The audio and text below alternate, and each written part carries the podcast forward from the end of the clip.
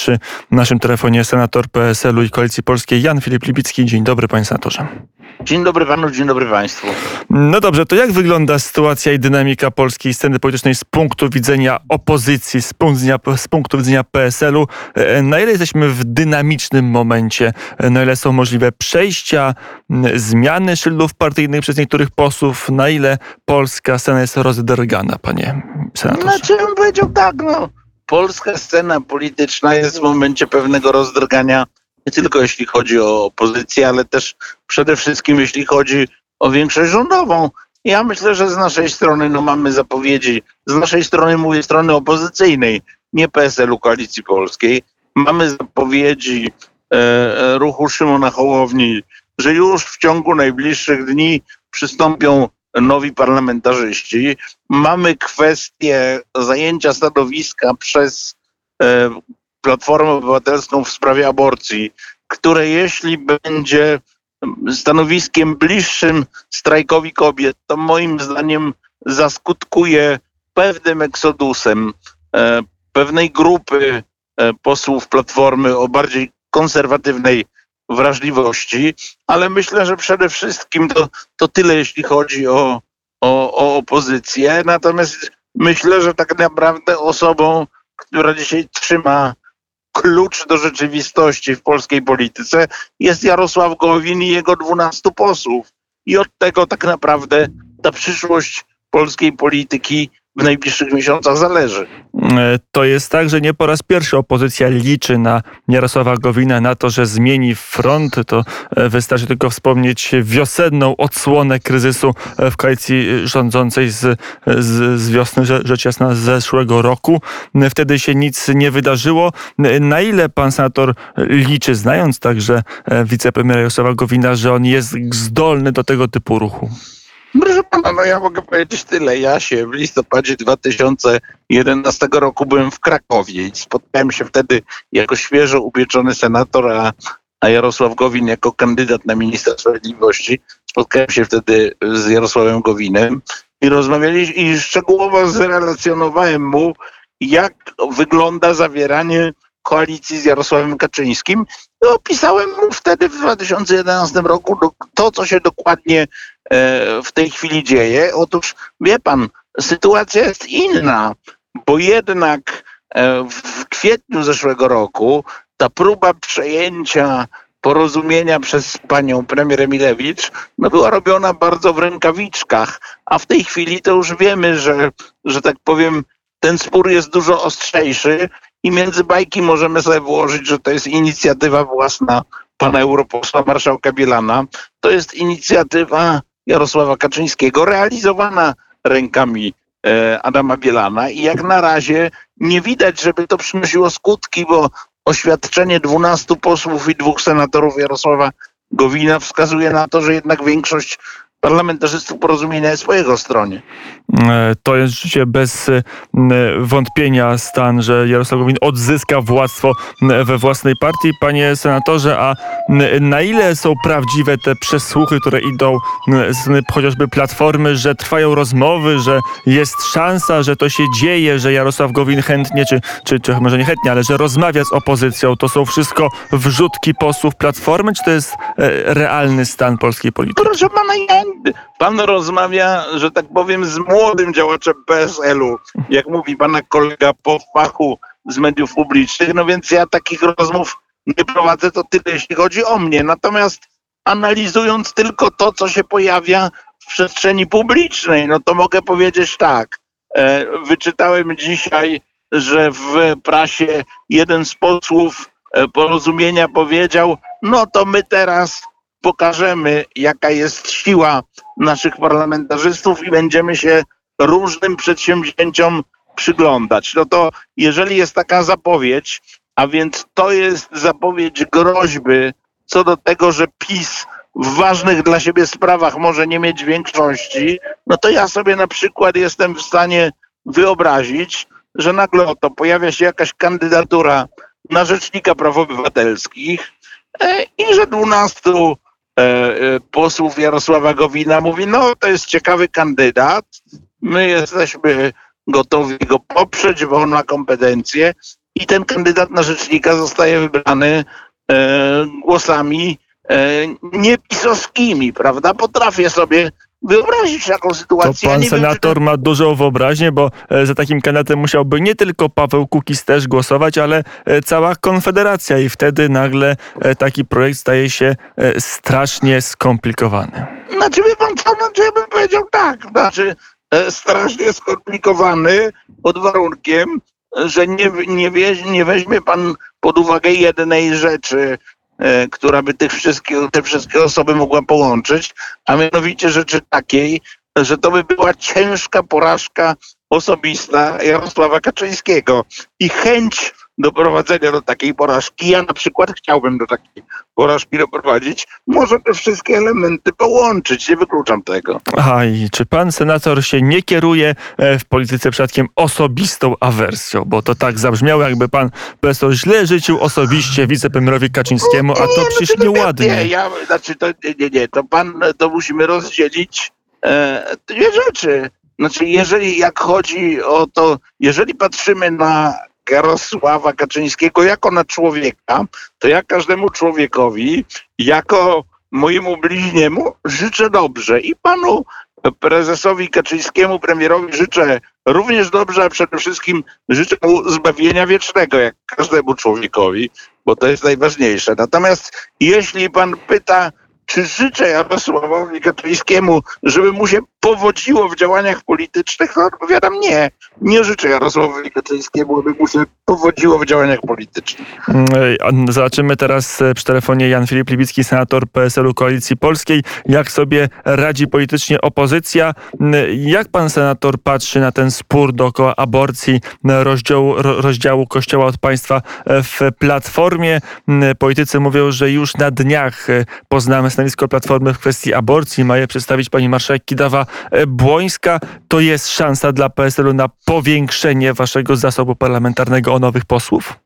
Znaczy, no proszę pana, no ja mogę powiedzieć tyle, że e, jeżeli to stanowisko, zresztą to już w tej rozmowie tu mówiłem, jeżeli to stanowisko, które zaprezentuje pani Małgorzata Kidawa-Błońska, będzie, że tak powiem, stanowiskiem bliższym postulatom strajku kobiet, tak, to moim zdaniem nastąpi eksodus kilku, może kilkunastu parlamentarzystów e, Platformy Obywatelskiej, którzy Platformę opuszczą. Zresztą znowu opieram się tylko na informacjach medialnych.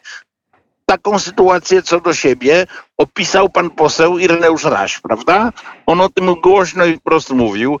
Myślę, że są Na inni- antenie Radia Wnet po raz pierwszy zresztą. E, No właśnie, no więc, więc ja zakładam, że, że tak powiem, pan e, poseł Raś jest tylko reprezentantem e, takiej grupy. I teraz co zrobi tych kilku bądź kilkunastu parlamentarzystów, którzy, że tak powiem, zdecydują na taki ruch? My oczywiście, ja mogę powiedzieć za siebie, ale myślę, że w jakiejś mierze za koalicję polską, że ja bym bardzo chętnie widział osoby o wrażliwości konserwatywnej, które chciałyby przystąpić do koalicji polskiej. Ja bym był z tego, e, że tak powiem, bardzo zadowolony. Natomiast z punktu widzenia Platformy, to powiedziałbym tak. E, Uważam, że ten skręt, jeśli on się odbędzie, bo ja tego nie wiem, w kierunku postulatów strajku kobiet, jeżeli chodzi o aborcję, może być jednak dla e, Platformy Obywatelskiej no dosyć niebezpieczny. Dlatego, że jeżeli sobie popatrzymy, e, co krzyczą panie w strajku kobiet, to mnie się e, utrwaliło takie jedno hasło pod tytułem hej, hej, hej, aborcja jest okej. Otóż ja myślę, że e, Polacy, że tak powiem, mogą mieć na temat aborcji różne poglądy. Ja mam na przykład pogląd taki, że jeśli decyzja Trybunału Konstytucyjnego z 22 października jest obowiązującym prawem, to ja się z tego cieszę, że ona lepiej chroni życie w To Polsce. jeszcze tu, też- zróbmy kropkę, bo czy przecinek e, powiedział pan, jeśli e, ma pan wątpliwości, bo tutaj głosy prawników są mniej więcej jednoznaczne, e, tych rozsądnych prawników, Nie, że to jest wyrok inaczej. i obowiązujące Ja- prawo. I ja miałem wątpliwości do momentu, to znaczy zastanawiałem się, czy sposób obsadzenia Trybunału Konstytucyjnego może wpływać na ważność tego orzeczenia. W momencie, w którym dwóch przeciwników tego Trybunału, profesorowie Rzepliński i Col, powiedzieli, że ono jest ogólnie obowiązujące, niezależnie od tego, co kto uważa o sposobie obsadzenia Trybunału, no to jeśli tak jest, że ono jest, ogólnopol, ono jest ogólnoobowiązujące, no to ja się z tego cieszę. Aczkolwiek wiem, w jakiej rzeczywistości żyję i zdaję sobie sprawę, że większość Polaków chyba nie ma takiego, takiego zdania jak ja. Większość Polaków chyba, że tak powiem, bardziej doceniała stan prawny sprzed tego orzeczenia. Natomiast z całą pewnością przygniatająca większość Polaków nie uważa, że aborcja jest ok i jest czymś moralnie neutralnym. Myślę, że zdecydowana większość Polaków, y, mając różne zdania o dopuszczalności aborcji, uważa aborcję jednoznacznie za zło. I próba skręcania w kierunku środowisk, które właśnie krzyczą hej, hej, hej, aborcja jest ok, może się moim zdaniem źle skończyć. Ale to jest problem tych w platformie obywatelskiej, którzy ewentualnie do takiego skrętu chcieliby doprowadzić. Mm, muszę powiedzieć, że doceniam e, pana senatora za wyciągnięcie ze strajku kobiet hasła, które jest w pełni cenzuralne, które można cytować bez e, wypikiwania. To e, jest pewien, pewna sztuka i, i, i, i muszę pogratulować, bo to jednak wymagało pewnie Dziękuję, pewnego no wie pan, ja, szukania. Mija, mija 19 rok, kiedy ja, że tak powiem, zarabiam na życie mówieniem, więc jakoś tam, bo, bo od 2002 roku pełne funkcje publiczne, e, e, że tak powiem, które się wiążą z moim uposażeniem, więc przez te 19 lat już jakoś myślę, że trochę nabrałem pewnej wprawy w szukaniu tego typu cytatów. No dobrze, to jeszcze e, zobaczmy, co tam Koalicja Polska myśli o aborcji, a myśli następująco, zróbmy referendum w tej sprawie. Czy Pana zdaniem to jest tak, że takie kwestie jak prawo do życia powinno być rozstrzygane poprzez referenda? Proszę pana, no ja najpierw muszę zacząć od tego, że jak pan wie, w 2018 roku e, opuściłem e, Platformę Obywatelską, będąc jej członkiem przez 7 lat, e, ponieważ doszedłem do wniosku, że nie będę mógł w zgodzie z własnymi przekonaniami głosować w sprawie aborcji. Przez jakiś czas byłem parlamentarzystą niezrzeszonym i e, kiedy dostałem propozycję od Władysława Kosiniaka-Kamysza, aby przystąpić do PSL-u, przyjąłem ją z radością, stawiając tylko jeden warunek, że w tej sprawie będę miał, czyli w sprawie aborcji i różnych innych spraw światopoglądowych, będę miał wolność w głoszeniu swoich poglądów i głosowania zgodnie z moimi poglądami. I pan prezes Kosiniak-Kamysz mi taką wolność zagwarantował. Więc dzisiaj E, korzystając z tej wolności, stwierdzam pierwsze, że ja rozumiem, że mamy w klubie PSL-u Koalicji Polskiej różne poglądy na temat aborcji i koledzy, którzy się podpisali pod projektem przywracającym stan sprzed orzeczenia Trybunału Konstytucyjnego wyrazili swój pogląd, a ja wyrażam swój pogląd, że nie zagłosuję. Gdyby przypadkiem e, ten projekt doszedł do Senatu, moim zdaniem on nie dojdzie z różnych względów, ale gdyby doszedł, to będę głosował